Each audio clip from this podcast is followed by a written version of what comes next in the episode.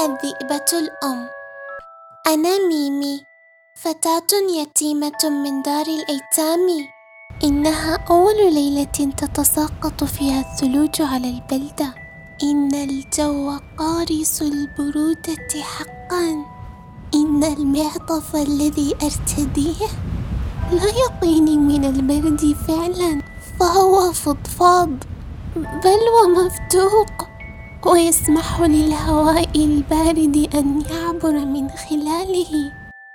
وفي الساحة الرئيسية للبلدة كان يوجد شيء غريب تمثال جليدي على شكل حمامة. وبالقرب من التمثال كان يقف والد صديقتي سهى مذعورا يحمل بين يديه عقدا من الورق.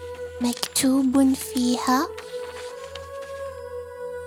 أيها القرويون الأفاضل ما الحمامة إلا تعويذة لقد حبست روح سهى أعيد لي ابنتي الوحيدة التي أسرتموها قبل أن تذوب آخر قطعة ثلج من التمثال وإلا ماتت سهى المرسل الذئبة الأم. انهار والد صديقتي سهى قائلا.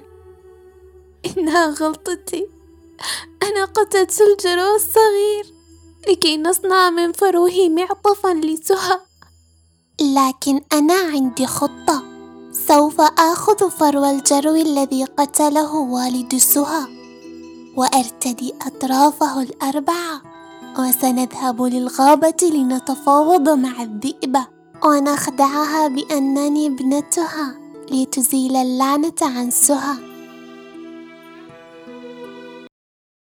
تدربت ميمي على المشي والعض والعواء كذئبة حقيقية. وفي الليل ذهبت مع صديقي من الميتم رضا وأسعد لنقابل الذئبة الأم.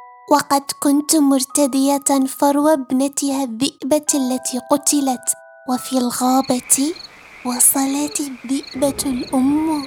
قال رضا مرتجفا ابنتك لدينا أرجو أن تعيدين بأن تفرجي عن سهى ردت الذئبة بصوتها الرقيق شكرا لكم. ونظرت إلي وقالت اتبعيني.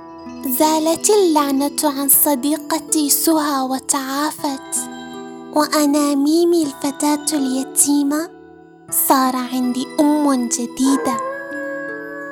النهاية.